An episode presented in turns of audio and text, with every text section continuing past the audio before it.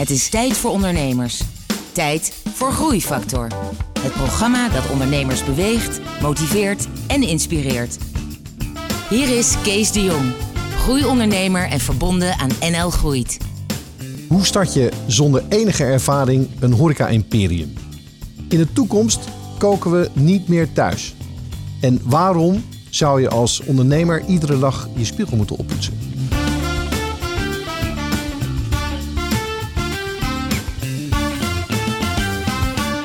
Welkom bij Groeifactor, het programma dat ondernemers beweegt, motiveert en inspireert. Met veel muziek en een openhartig gesprek hier op de bank met een inspirerende ondernemer. In deze uitzending is dat Esco Kuiper. Esco, horeca tycoon, welkom. Dank. We gaan het uitgebreid hebben over jouw ondernemerschap. Hoe je ondernemer bent geworden, wat je dromen en ambities zijn.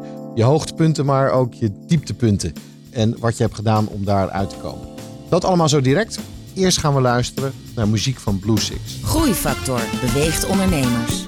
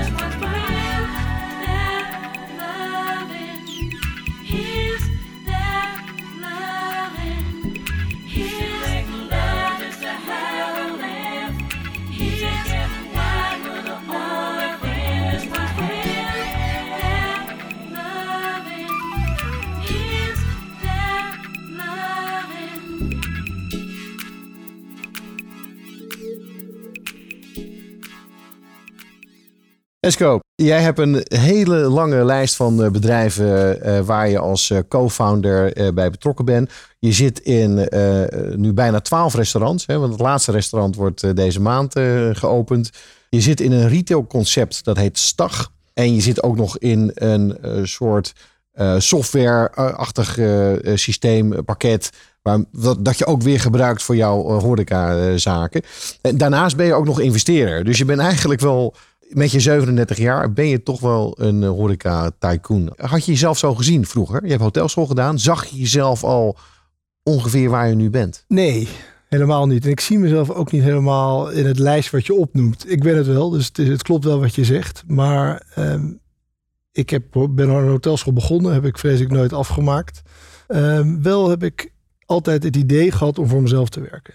Um, ik geloof enorm dat, je in, dat we in een maakbare wereld leven. Zeker in een land als Nederland, waarin die um, omgeving echt geschapen wordt, waarin je uh, relatief risicoloos, omdat we een goed sociaal vangnet hebben, kan ondernemen. Dus ja, ik begreep wel dat ik voor mezelf zou gaan. En ik ben vanaf mijn studententijd al werd er gezegd, de man met duizend BV'tjes omdat ik altijd al een idee had om, uh, waar ik dacht, daar kunnen we een succes van maken. Dus het zat er gewoon wel in. Uiteindelijk maar je zit nu misschien aan een BV'tje of 15, 20. Dus je hebt er dan nog uh, uh, zeg maar een paar honderd te gaan. Ja, ik weet het ook. Weet het ook ja. ja, het zijn natuurlijk altijd losse entiteiten, maar dat is meer een juridisch onderwerp. Dan ja. ik, ik zie het echt dat, we een, dat ik een bepaald bedrijf heb. En dat bedrijf eh, met een aantal compagnons probeert ja. ons succes te maken. Ja. Kom je eigenlijk uit een ondernemerstest? Nee, nul. Uit, mijn vader was bankier. Oké. Dus omgekeerd misschien wel. Ja. Wat was jouw eerste stap? Ik, heb gewoon een, ik ben gestopt met hotelschool. Of ik had altijd de ambitie het af te maken. En ben, hebben gewoon een restaurant begonnen um, op de Wolvenstraat in Amsterdam. En heb daar 2,5, 3 jaar lang samen met twee compagnons fulltime gewerkt. Van de keuken, de bediening en de administratie. En ben toen um, maar, maar je kan niet zomaar een hotel. Die moet iemand in ieder geval. Of een, eh, sorry, een restaurant. Ja. moet geld hebben. Je moet een pand hebben. Ja, er is je een moet... plan. Er is een ambitie. En er is een idee. Ik begon uh, met het adviseren van uh, allerlei partijen op het gebied van horeca. Ja. En zonder dat ik het ooit zelf gedaan had. Dat was al snel duidelijk dat dat was best een succes, maar dat je wel iets van ervaring moest hebben, wil je goed advies. Wat je leerde uit de boeken was anders dan de praktijk. Ja, ja. totaal. Dus uh, we hebben een plan gemaakt samen met die twee compagnons. We zijn op zoek gaan naar geld. Hadden wat geld nodig. De brouwerij matchte de andere helft samen met de bank. En uh, zo zijn we gewoon gestart. Maar uh, wat was jouw formule om ervoor te zorgen dat zo'n tent in het begin ging lopen? We gingen een soort jazzbar beginnen. Waar, en ik vrees dat ik niks van muziek weet, nog enorm ben opgevoed met muziek. Maar waar we dus jazzmuziek zouden doen met kleine hapjes. Waar je bolde bij elkaar kwam. En uh, meer samen was in plaats van dat je echt uit eten ging. Wat voor ontwikkeling verwacht je nog in de horeca? Uh, de wereld gaat steeds minder um, in huis eten. Dus we gaan, ik verwacht, ik geloof dat we met elkaar uiteindelijk naar in het grootstedelijk gebied gaan naar appartementen zonder keuken. Alleen maar een klein uh, soort kitchenette-achtig ding waar je een koffiezetapparaat op staan en verder niet meer kookt. Dus daar geloof ik heel erg in. Dat is dus ik maak eetcafé eten. Goed eten tegen een betaalbare prijs waar je iedere dag naartoe kan. Mhm. En dat schalen we op. Ik ben absoluut niet van de hip en trendy restaurants. Dat is ook absoluut niet mijn visie. Dit is de eerste keer dat ik iets publieks doe in mijn leven. Je bent een man achter het scherm eigenlijk. Totaal. Ja, niemand kent mijn naam. Niemand hoeft mijn naam te kennen. Nee. Wat ik vertelde, mijn LinkedIn profiel is al acht jaar niet bijgewerkt. Dat vind ik ook niet het leuke. Wat er, het leuke aan ondernemen vind ik iets bouwen met mensen. En die mensen, die, mijn compagnons, die, uh, die wat mij betreft het verschil kunnen maken. Zij bouwen eigenlijk het bedrijf en ik ondersteun. Maar als je dus een succesvol bedrijf hebt gebouwd, hè, je eerste restaurant en dat liep en er komt geld uit, dan um, zie je heel veel ondernemers die zijn er super trots op en die, en die houden dat. En die, maar er zijn niet heel veel die vervolgens aan nummer 2, 3, 4, 5 tot met 12 beginnen. Dus wat gebeurde daar dat je dacht van nou ik wil een reeks hebben en niet één restaurant en dan hetzelfde concept in meerdere plaatsen. Maar je wilde gewoon andere type restaurants bij hebben. Ja, ik denk niet zozeer dat het eh, met andere type restaurants te maken heeft. Het heeft veel meer te maken met persoonlijke ambitie. En de drive die ik heb om um, een grote onderneming te bouwen. En een grote onderneming in de zin van veel mensen. In plaats van nu een exceptioneel veel omzet. Het is een mooie bijkomstigheid. Maar het gaat mij daadwerkelijk om een bedrijf te bouwen waar veel mensen werken, waar het liefst ook heel veel mensen participeren. Dus waar veel mensen eigendom hebben en daar bepaalde stabiliteit uit halen. En, en waar komt die drive vandaan? Ik heb het altijd goed gehad in het leven en ik vind het belangrijk om dat, uh, dat te kunnen delen. Groeifactor. Eerlijke verhalen van mede-ondernemers.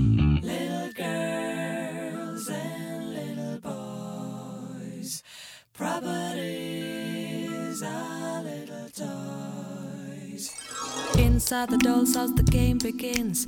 Girl is the princess and boy's the prince. Feeling secure from the ogre who's hidden in the playground. They've got a jingle in case they fight. That will decide who is wrong or right. Gotta be friends and behave if they both are ever gonna be crowned.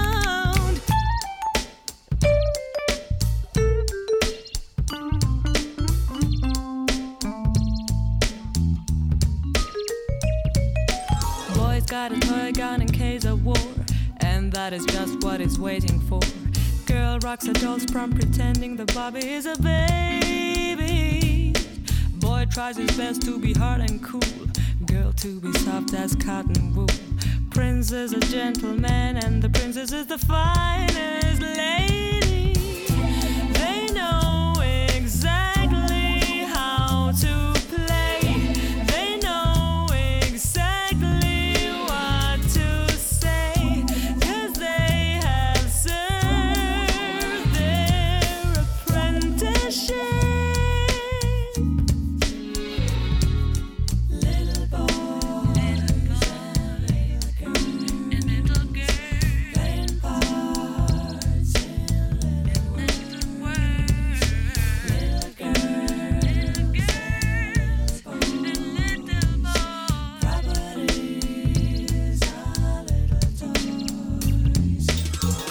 Wants the princess to watch him fight. She says that she doesn't think it's right, but he wants to show her that she is together with a winner. Outside the doll's house, the ogre starts shaking the house till it falls apart. Princess and prince gotta run unless they're gonna be his dinner.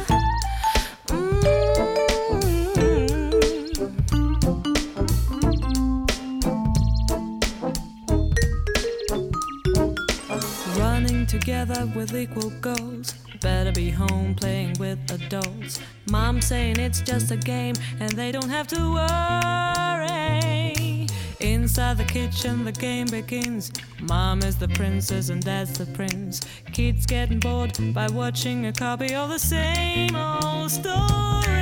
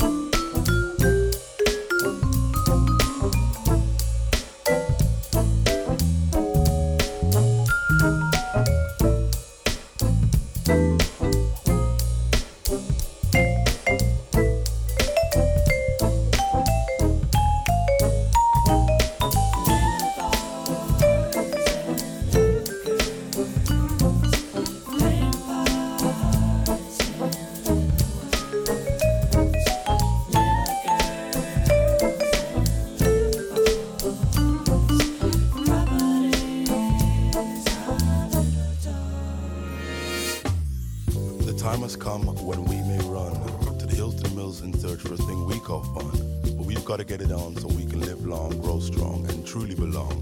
To a race so equal, the creator will never, never need a sequel. So we ask you all to join us in the universal prayer of every man and woman. Prince of Peace, won't you hear my plea? Ring your bells of peace, help loving never cease.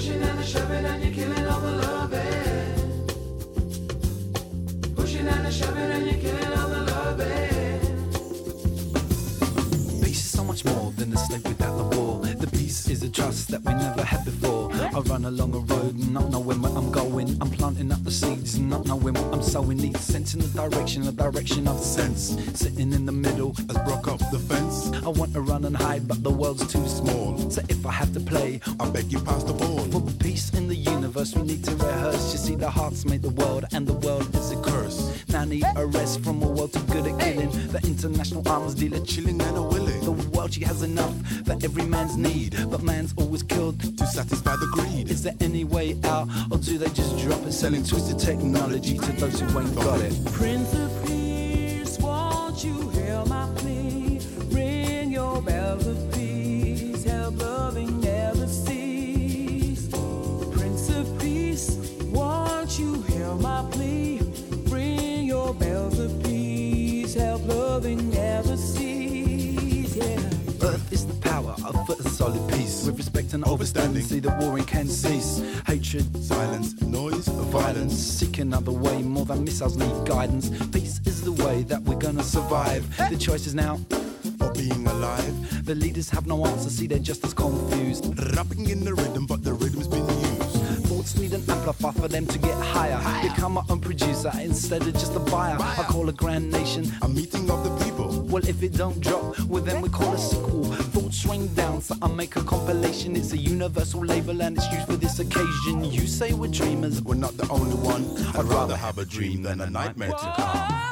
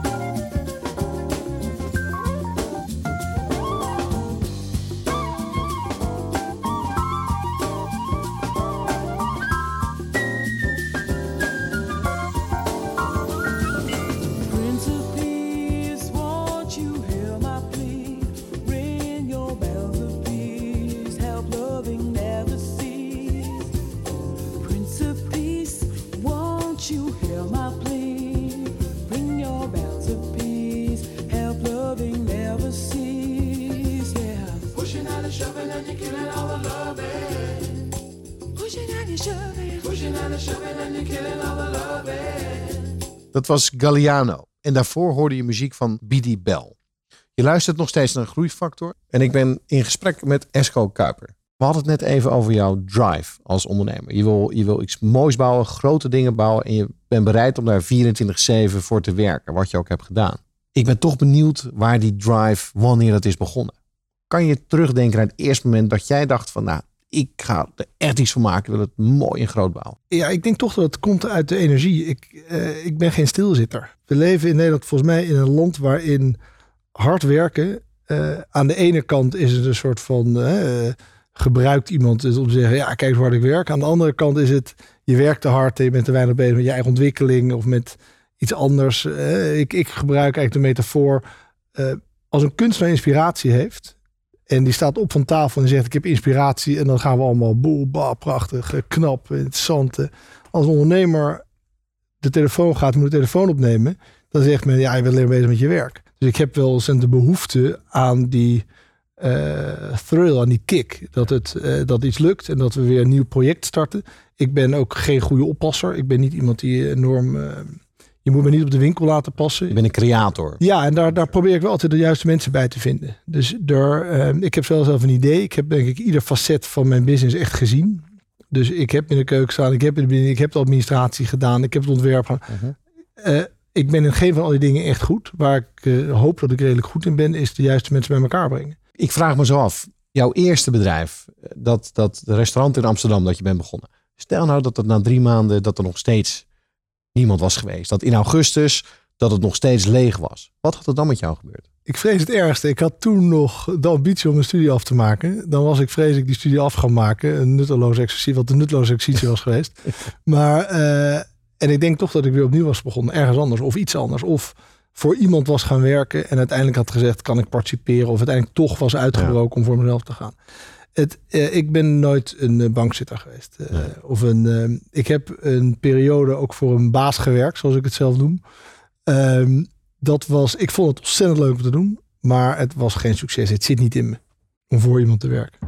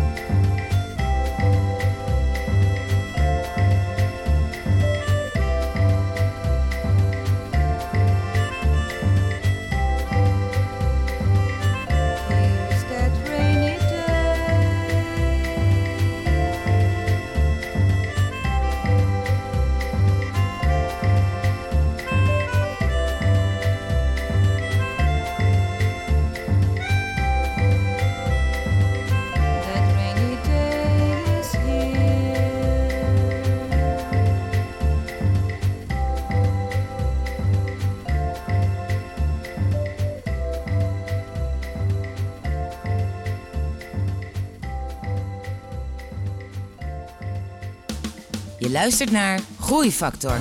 Openhartige gesprekken met inspirerende ondernemers. Groeifactor beweegt ondernemers.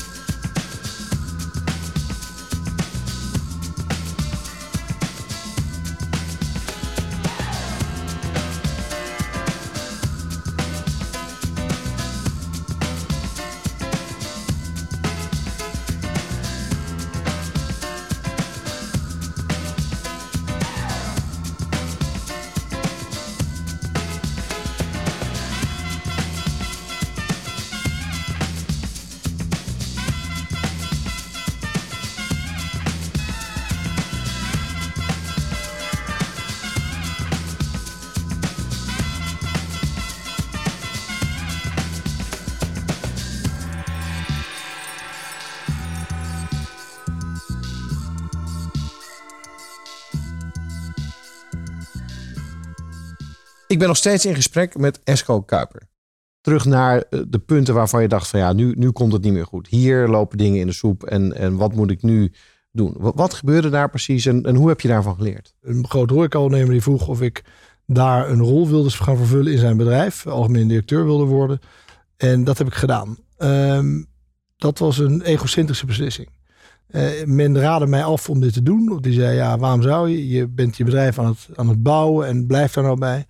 Ehm, daar heb ik niet naar geluisterd. Ik heb uh, een deel aan van de bedrijf die ik had verkocht aan een van mijn compagnons. Was het ook een beetje geld gedreven? Dat je dacht van nou, nu kan ik een stukje...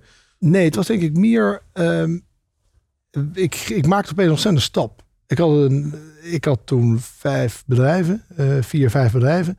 En um, ik kon een bedrijf gaan leiden wat, nou, ik weet even niet zo goed, maar tien keer zo groot was. Of uh, maar vijf tot tien keer zo groot was. Waar veel mensen werkten, waar een hotel bij zat, waar schaal in zat. Um, en daar heb ik voor gekozen in plaats van voor de mensen die altijd trouw aan me zijn geweest. De mensen met wie ik op dat moment samenwerkte. En dat vind ik een, dat is gewoon een verkeerde beslissing geweest. Dat is, en daar, uh, ik heb ontzettend veel bij dat bedrijf geleerd. Ik ben uiteindelijk, nou dat, hield al na zeven, acht maanden op, omdat met de zittend ondernemer, eigenaar, uh, botste dat uiteindelijk. Um, en heb toen aan mijn compagnon gevraagd, uh, ben je bereid me terug te nemen? En ik zal me nederig opstellen. Uh, is het een idee dat ik ga zorgen voor de groei, jij blijft het bedrijf runnen, et cetera, et cetera. En hij heeft mij terug, gelukkig teruggenomen, maar ik heb dat wel altijd in mijn achterhoofd gehad. Ik heb altijd in mijn achterhoofd gehad. Ja, ik heb toen eigenlijk het schip verlaten. En het is dat ik daarvoor vergeven ben. Maar ja. dat is not one of my finest moments. En wat is jouw belangrijkste leerpunt geweest uit die tijd dat jij dat grotere bedrijf hebt geleid? Uh, iedereen heeft behoefte aan ehm, erkenning en een vorm van motivatie. En het gevaar, denk ik, bij een ondernemer is vaak dat de ondernemer groter wordt dan zijn eigen bedrijf.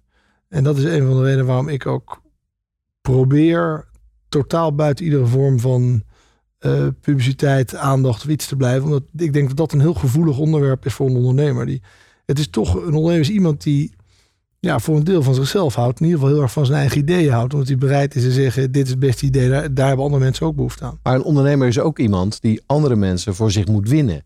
He, andere mensen moeten meegaan in jouw visie, in jouw verhaal, in, jou, in jouw droom. Ja, een ondernemer is bezig met die andere mensen uh, te vertellen dat zij daadwerkelijk de beste zijn om dit met jou samen te doen. Ja. Uh, dat die ondernemer zelf gelooft wel in zijn plan. En ja, iemand die een goed verhaal vertellen, kan je leren. Ja. En uh, je mensen vragen voor je te werken. Te zeggen, weet je wat, zorg jij dat als jij jouw werk goed doet, dan zorg ik dat je gezin te eten heeft. Ja, dat is veel ingewikkelder. Wat mag ik het dan zo samenvatten dat het toch wel een soort van kortstondige ego-trip was? Dat je eigenlijk werd ja. gestreeld van nou, je werd gevraagd voor een groot bedrijf om daar leiding aan te geven. En dat je daarna eigenlijk weer terug op aarde bent gekeerd? Ja, je zegt, je zegt het direct, maar ik vrees het wel. ja. Nee, ik denk dat je helemaal gelijk hebt. En uh, nou, wat ik al zeg, ja, ik vind dat, dat was geen. Ondanks het feit dat het zeer leerzaam was. En ik er veel, dus ik heb echt een andere kant van het spel gezien. Um, had ik het denk ik in een tweede instantie niet meer gedaan. En het heeft jou denk ik wel een beter ondernemer gemaakt daarna. Ja, dat denk ik wel. Ja. Ik heb Want een, wat doe je anders? Ik heb vooral gezien hoe ik het niet wil doen. Om het zo maar te zeggen. Dus wat ik denk ik vooral uh, heb geleerd hoeveel behoefte er is uh, voor mij, maar ook denk ik voor de mensen met wie ik het samen doe, om het daadwerkelijk samen te doen. En om uh, je woord na te komen. En eh, dat je je je stelt natuurlijk een bepaalde visie voor, een bepaalde droom die je zelf hebt. Daar, je verleidt mensen om mee te gaan in die droom. Je vraagt mensen vertrouwen te hebben. En dan moet je dat vertrouwen niet schaden. Dat is misschien wel je belangrijkste zakelijk inzicht, maar ook eigenlijk een, een, een spiritueel inzicht misschien wel. Uh, ja, dat hangt een beetje af hoe je als ondernemer in het leven staat. Maar dat is voor mij een belangrijk onderwerp. Ja, ja ik, wat ik al eerder zei, ik geloof dat we iets goeds moeten doen voor de wereld. En dat is mijn uiteindelijke doel. Ik bouw een bedrijf om of door te kunnen geven of om veel mensen in te kunnen laten participeren. Of iets van die naart. Maar niet om uh, zelf een hele dure auto te rijden. Dat rijd ik ook niet.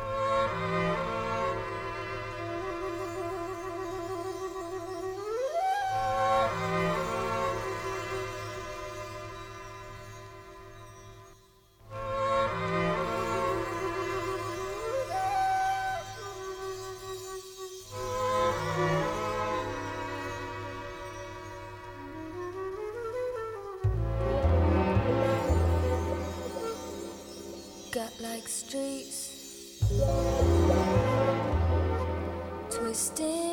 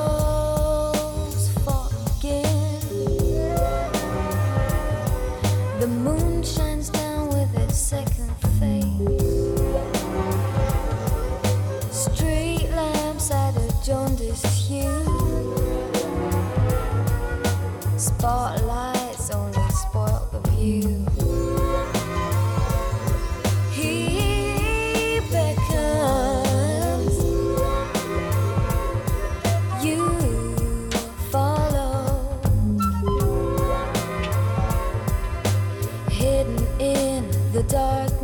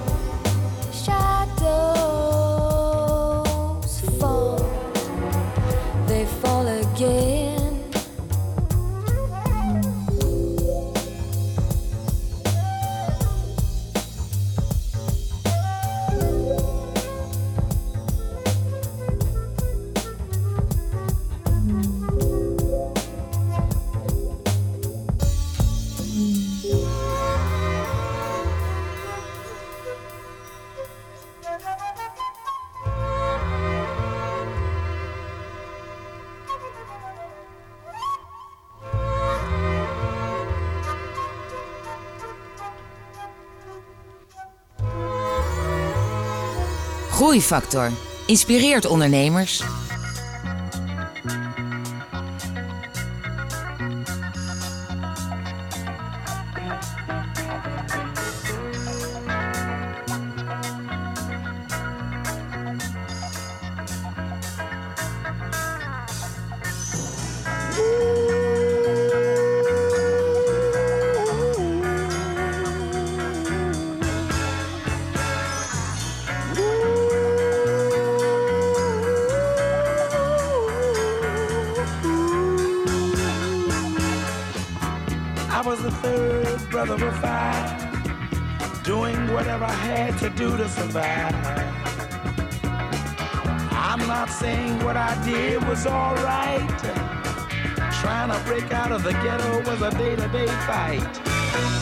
Being down so long, yet nothing crossed my mind.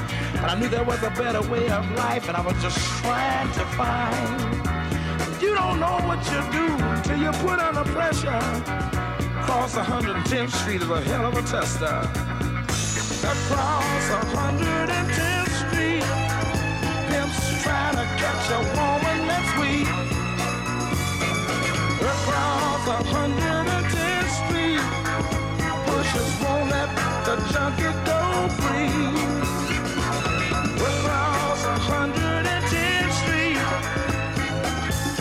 trying to catch a trick on the street.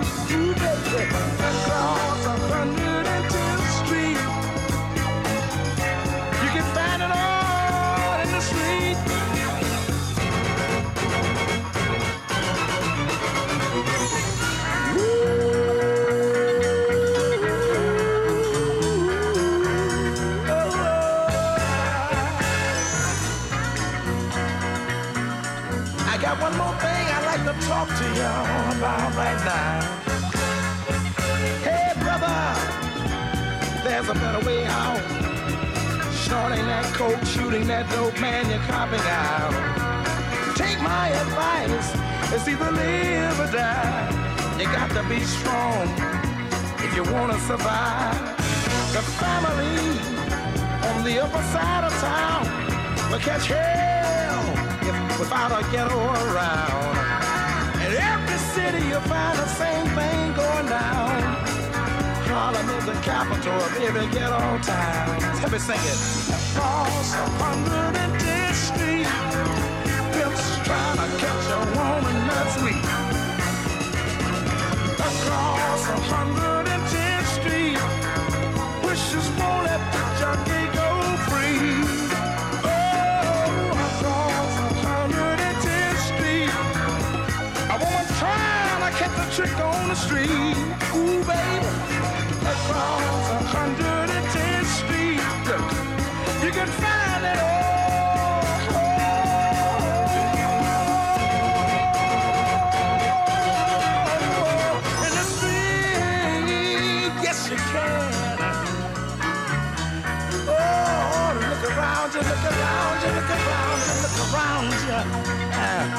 Yeah.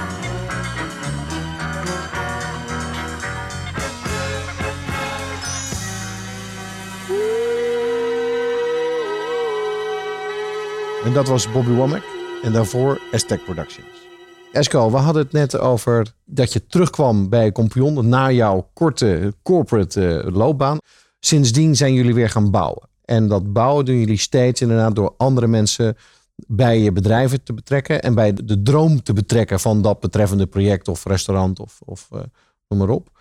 Hoe creëer je steeds die langdurige samenwerking? Wat is het geheim om dat, om dat werkend te krijgen? Omdat juist binnen de horeca is, is alles vluchtig. Mijn compagnon en ik zeggen vaak tegen elkaar... als we nou twee zaken hadden gehad... dan waren we minimaal twee keer zo rijk geweest dan dat we nu zijn.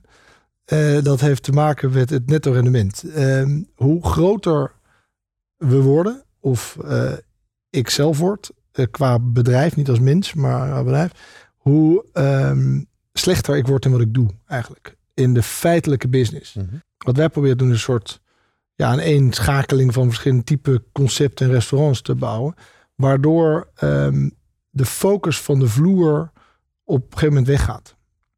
En eh, dat vind ik ook een van de grootste beperkingen of tekortkomingen. Dat ik veel bezig ben met de vorm in plaats van met de inhoud. De, het ondernemen aan zich, het bedrijf laten groeien. In plaats van met daadwerkelijk hoe goed is die biefstuk. Hoe aardig zijn die mensen? Hoe goed zijn die mensen getraind? Hoe komt iemand over? Een van de oplossingen voor mij, maar eh, heeft de twee kanten. Die oplossing is dat we vragen aan eh, medewerkers om te participeren in een organisatie. En te participeren in een staak zou je het kunnen noemen. Dus in een Dat is stichting administratiekantoor. Ze krijgen een soort certificaten. Ja, dat wil eigenlijk zeggen, we hebben een soort een, een geografisch eh, gebied. Daar Ja. zitten een paar ondernemingen in. En uiteindelijk vragen we aan iemand om te participeren in dat gebied, in die verschillende ondernemingen. En dus leiding te geven aan die ondernemingen. En dat komt vaak omdat hij participeert vanuit de daadwerkelijke een van de restaurants zelf. Dat hij daar een, een aandeel in heeft. Waardoor het eigenlijk zijn zaak wordt. En waardoor ehm, er ondernemers, ondernemerscommitment op de vloer zit. Ja. Dat vergt een hoop delen, om het zo maar te zeggen. Want om iemand te vragen zich in te kopen in een bedrijf waar hij zelf snoeihard voor gewerkt heeft, vind ik op een bepaalde vorm niet eerlijk. Dus dat is een, ehm, ja, een schenking. Of dat is een, Ja. we, we geven een participatie weg. En hoe zoek je die mensen uit? Want het succes kan alleen maar gestand blijven als je de juiste mensen daarvoor hebt. Eh, dat is blind vertrouwen. Dus dat, dat heeft Nick, ik screen niet super strak. Ik- het enige is wel, die mensen zijn wel een tijdje bij ons in dienst. Ja. Dus die werken al een tijd hard voor de onderneming. Die willen dit graag. En dan vragen we ze te participeren. Daar mochten zij weg willen. En wij, of de, de synergie toch niet zo zijn zoals we hadden gehoopt. Dan kunnen ze er wel makkelijk weer uit. Ja. Dus het is niet zo dat we dan voor het leven aan elkaar verbonden zijn. Daar geloof ik ook overigens überhaupt niet in. Het is veel meer dat als zolang zij de kans zien en wij ook de kans met elkaar zien, dan groeien we samen door. Als ze zeggen, hé hey jongens, ik wil eigenlijk alleen in dit bedrijf participeren, is dat ook goed. Of ik wil eruit, want ik ga nu, ik heb nu het kapitaal verzameld om helemaal voor mezelf samen met mijn partner wat anders te gaan doen. Dat is ook goed. Dat is ook goed. Het komt zo voor een deel komt het en bij mij komt het uit ambitie, want ik geloof in dat we het samen, als we het samen delen, kunnen we veel sneller groeien. Ja. Een eigen tekortkomen of beperking vul ik op die manier in. Wordt als gezegd dat delen is voor de luie ondernemer. Dat is praktisch waar, maar filosofisch vind ik het een enorme beperking als iemand dat zegt. Ja. Je laat iemand meedelen in je, jouw persoonlijke groei, maar ook zijn persoonlijke groei. En daarmee kan je nog eh, aanzienlijk groter groeien dan dat je nu... eh, hoe, Ja, tot, wa- wat, waar liggen jouw ambities? Eh, die reikt van dag tot dag. Maar zolang ik energie heb, heb ik ambitie. We hebben net ook een derde van het, van het horecabedrijf hebben we ook net verkocht aan een compagnon.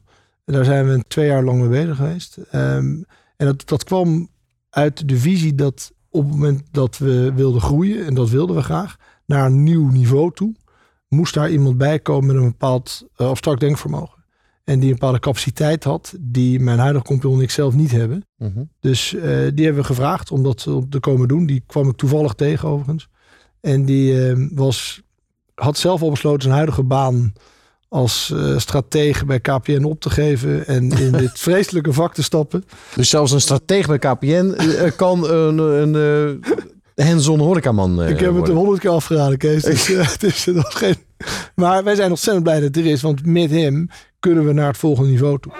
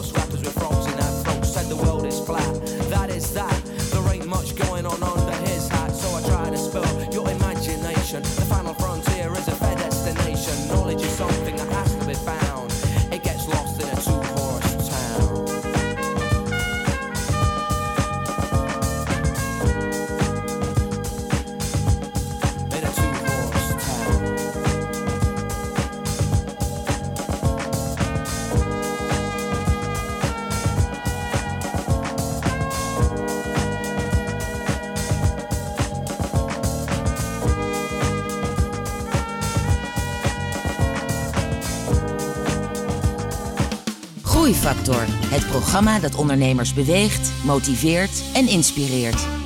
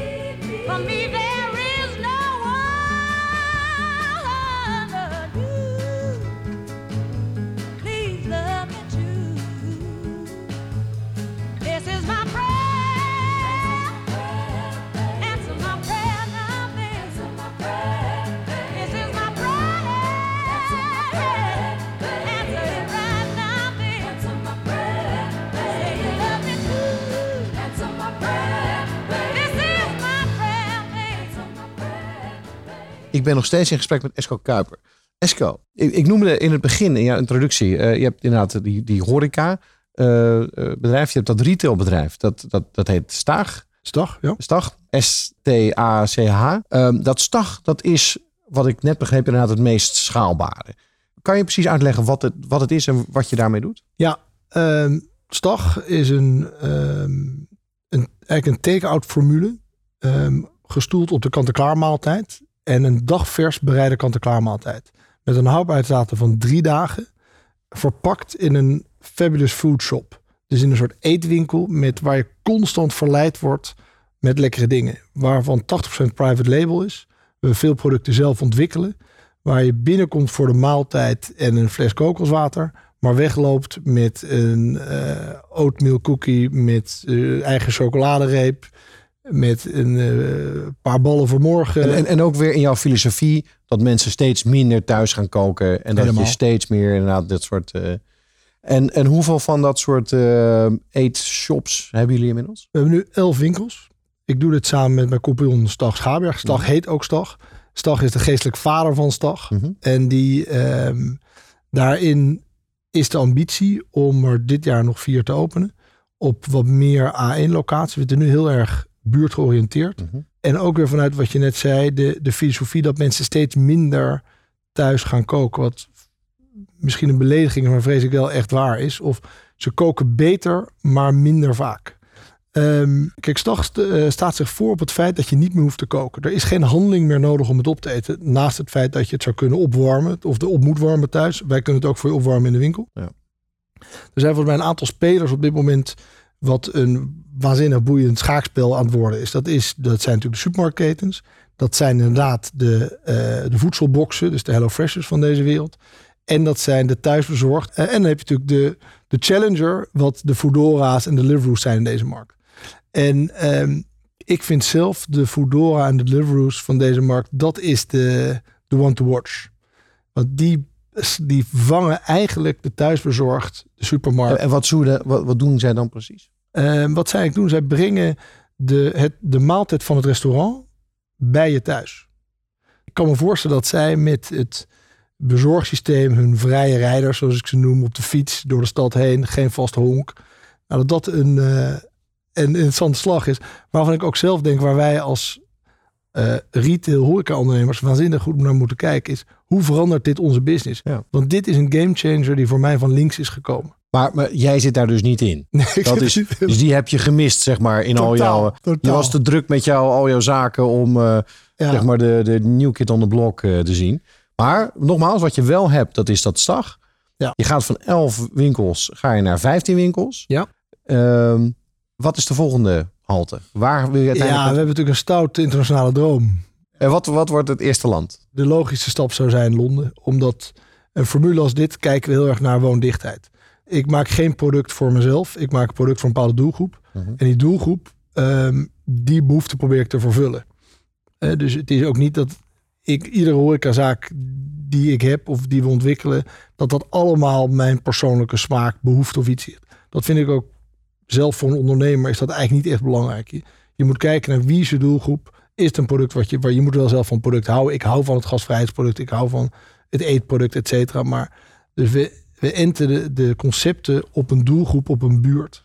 En dat gebeurt met Stag ook. Met Stag moeten we kijken naar de woondichtheid, naar de demografie, naar allemaal dit soort factoren. En daar, daarvoor is Londen in theorie de uitgelezen eerste stap. Dus als jullie dat zo gaan internationaal gaan uitrollen, dan, ehm, dan wordt het ook voor jou de eerste keer dat je internationaal eh, een, een horecaconcept uitrolt. Ja, zeker. Ja. En, en hoe, hoe bereid je je daarop voor? Hoe, hoe krijg je informatie of kennis? Hoe ontwikkel Nou, je dat, jezelf? dat is eh, vooral eh, je verdiepen in de stad. Eh, met veel mensen praten. Met veel, en dan merk je dat internationalisering helemaal niet zo anders is. Het is, het is allemaal net een stukje groter. Het is allemaal net een stukje spannender omdat het wat verder weg is. Het, het is wat meer geld. Het is, nou ja, dat is eigenlijk van, nou, maar er moet nog steeds hard gewerkt worden. Je moet nog steeds de juiste snaar bij de gast raken. Je moet nog steeds, dat moet nog steeds dus. Openhartige gesprekken met inspirerende ondernemers. Je luistert naar Groeifactor.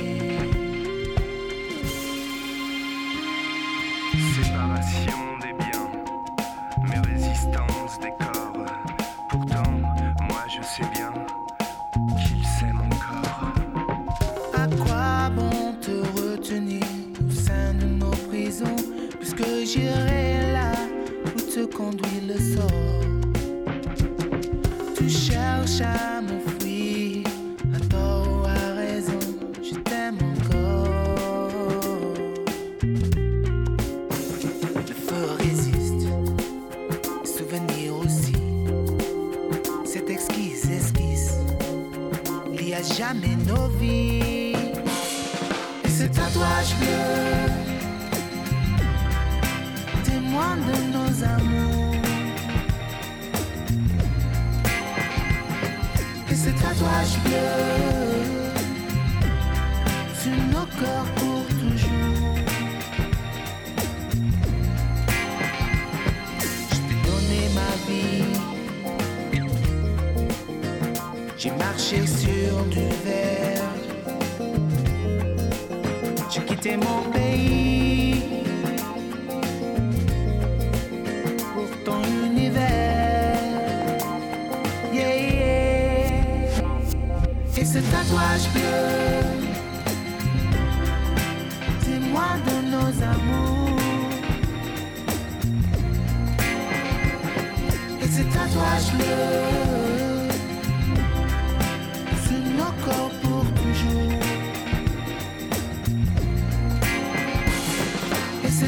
God's.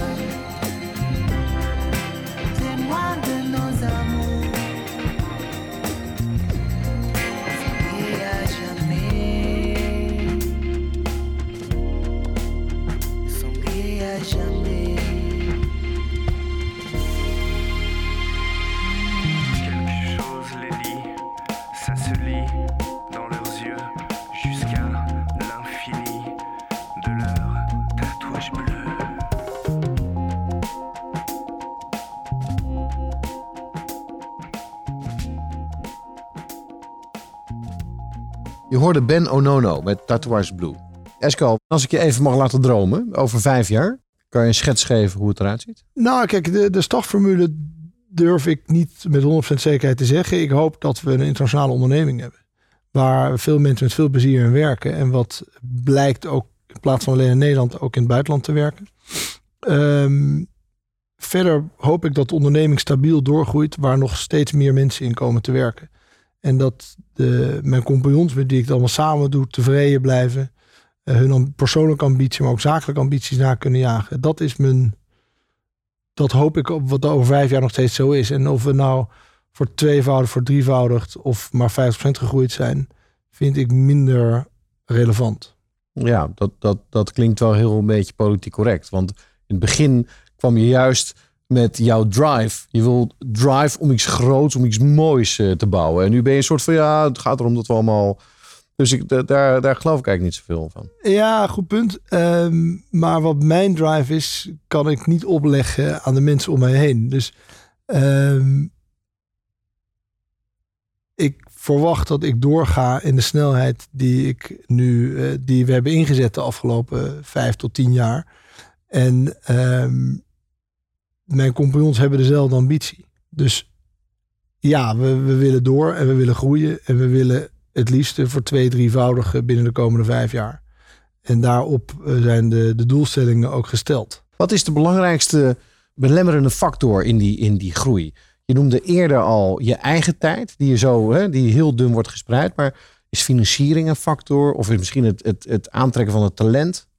Precies. Waar zit het? Nummer twee, eh, je gaat altijd onder water in de zin van financieel. Je neemt een bepaald risico wat groter is dan je onderneming. Ik groei overigens zeer conservatief. We doen, eh, we hebben dus weinig leverage in de onderneming. We hebben veel, we doen eigenlijk alles in eigen middelen. Leverage, eh, de hoeveelheid geleend ja, geld. schuld. Ja, we hebben weinig schu- externe schuld. Dus en externe schuld noem ik direct opeisbare schuld. Banken, financiers waar je... Dus je kan een stootje hebben. Als ja, het even, veel. ja, absoluut. Ja, ja, we zijn zeer eh solvabel. We kunnen heel goed onze, ons hoofd boven water houden, ook als het wat minder goed gaat. Dus daarmee is het risicoloos ondernemen is natuurlijk nooit, maar we, we nemen wel wel overwogen risico's. Ik ben niet iemand die zegt, ik laat het bedrijf vol met schuld, laat het daardoor exploderen en het is 50-50 of het lukt of niet. Oké, dus, financiering is niet zozeer het grote. Wat, nou, wat, wat financiering is natuurlijk nu, en dat is wel een punt waar we op zitten, is je gaat om de stap nu te zetten naar twee, drie keer zo groot, zal er meer geld in de onderneming moeten, omdat we eigenlijk het bedrijf hebben voorbereid op die groei. Mhm. En het huidige vliegwiel is niet groot genoeg om dat bedrijf te financieren. Dus daar zal geld bij moeten. Maar geld in de wereld is er veel. En eh, met een goed plan en een betrouwbare ondernemer zijn mensen ook heel erg bereid geld uit te lenen. Ehm, talent, wat je noemde, is veel moeilijker. En eh dan kan ik direct mezelf in de spiegel kijken. Want ik vind, talent trek je aan. En daarmee word je als ondernemer eigenlijk iedere dag geconfronteerd met jezelf. Op het moment dat mensen niet voor jou of met jou willen werken, dan moet je in de spiegel kijken en zeggen: waarom willen ze niet voor mij met mij werken? Waarom doen ze dat wel met de buurman? En dat is persoonlijke ontwikkeling voor mijzelf, maar ook je mensen de kans bieden om zich te ontwikkelen. Mensen kunnen inspireren. Je, nou, daarmee bezig zijn is ook, wat mij betreft, voor mij op dit moment de fase in de onderneming om ons bedrijf klaar te maken dat we eh, kunnen inspireren via anderen. In plaats van dat je altijd zelf de man bent die eh, met je medewerkers aan de slag is.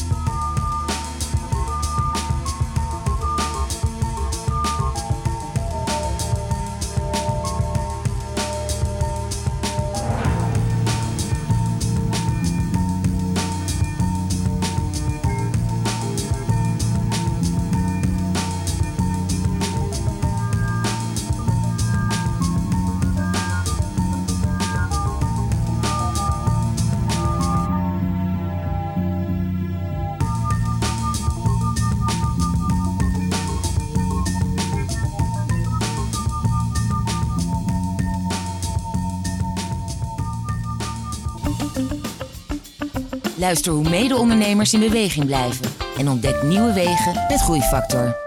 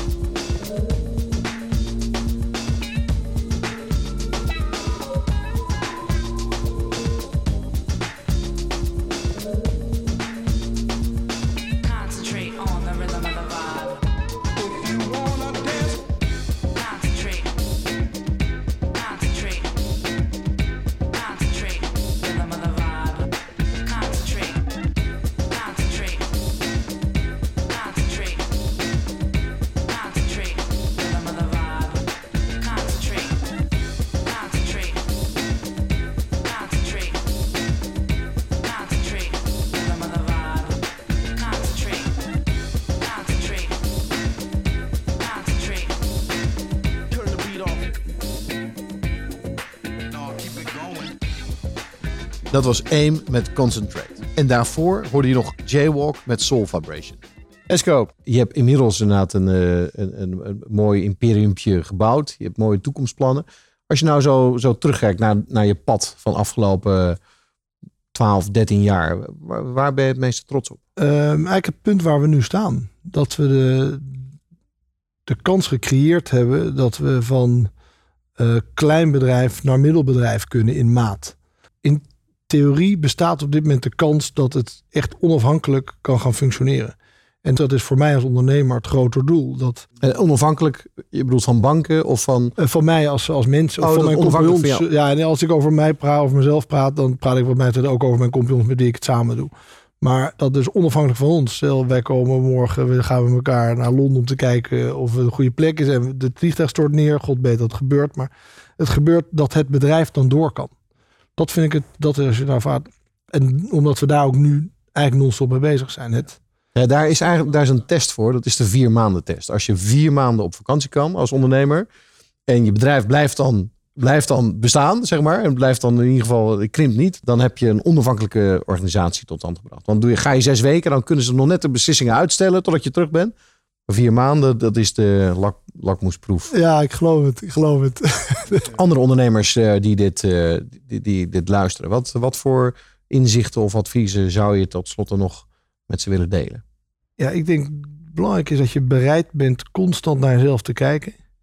En te kijken of jij nog de juiste man bent op de juiste plek in je onderneming. En dat betekent helemaal niet dat je een andere plek hoeft in te nemen, maar wel dat je zelf beter moet worden. Dat je constant in de spiegel kijkt en constant feedback vraagt van de mensen met wie je werkt. Of je nog het juiste doet. En of je nog. Of jij niet het probleem bent van de situatie. Hè? Zoals Precies. Pieter Drucker zei, de bottleneck is always on top of the bottle. Exact. Ja. En wat, wat zijn nou de symptomen dat je inderdaad erachter komt van ja, verdorie, ik loop in de weg. Of ik zit op het verkeerde pad. Ja, alle gebruikssymptomen. eh, Stagnatie en groei, eh, hoog verloop van mensen, gebrekkige cultuur, eh, geen vernieuwing. Nou ja, allemaal dit soort dingen. Ik als ondernemer moet je volgens mij juist de lucht creëren in plaats van het willen beslissen. Ook al is dit, vrees ik, practice what you preach, is dat deze moeilijker. Want ik ben nogal dat ik graag wil bepalen hoe het gaat. Maar ehm, als je de ambitie hebt om te groeien, of de ambitie hebt om de cultuur te verbeteren, of de ambitie hebt om, en dat lukt niet, ja, dan. En dat maar dan moet je wel bereid zijn je omgeving te vragen en die ambitie te delen en je persoonlijke uitdagingen te delen. Dus jongens, ik denk dat we dit moeten doen. Ik wil hieraan wi- werken. Vinden jullie dat het lukt? Ja, als mensen dat niet bereid zijn om te zeggen dat het lukt, dan weet je wat er mis is. Maar als ze bereid zijn te zeggen dat het wel of niet lukt, ja, dan vraag de mensen om je heen hoe het gaat. Misschien ook af en toe eens thuis vragen hoe het gaat. Dan, eh, Ja. Dat kan helpen. Spiegel thuis. Ja. Het is wel grappig eh, wat je zegt, want ik, ik ken natuurlijk veel ondernemers eh, die dan inderdaad klagen over, eh, over, de, over hun mensen en over de werkmoraal. Mensen komen later en mensen. Maar feitelijk is dat inderdaad een spiegel. Want, Ja. want, want uiteindelijk ben jij verantwoordelijk voor de situatie. Het aannemen, het motiveren en, het- ja, en, en het leiden. Dus dat is wel heel mooi dat je dat inderdaad zo eh, aangeeft. Precies wat ik eigenlijk probeer te zeggen. hè, Dat je bent als ondernemer, kijk je constant in de spiegel. Je bedrijf is een soort is een weerspiegeling van hoe je zelf in het leven staat. Hoe je zelf eh, met je eigen onderneming bezig bent. Dat is de. En dus daarbij ook een snoeiharde reality check eens in zoveel tijd. Oké, nou daar gaan we dan mee eindigen voor vandaag. De snoeierharde reality check. Ik hoop dat de ondernemers die of nu in de auto zitten of thuis zijn, eh, straks even, even in de spiegel kijken. kijken hoe het bij hunzelf eh, ervoor staat. Esco, dankjewel voor dit enorm inspirerende gesprek. Je bent een ja, fantastische ondernemer eh, zonder diploma. die, Dat is het ergste. die iets eh, moois heeft opgebouwd. En ik heb zo'n gevoel eh, dat we in Nederland nog lang niet klaar zijn om van jou te horen. Dankjewel voor dit gesprek. Graag gedaan. Allemaal bedankt voor het luisteren naar Groeifactor. Voor nu een fijne dag en graag tot de volgende keer voor een nieuwe aflevering van Groeifactor. Ga naar mkbbrandstof.nl voor nog meer inspirerende verhalen van mede-ondernemers. Groeifactor beweegt ondernemers.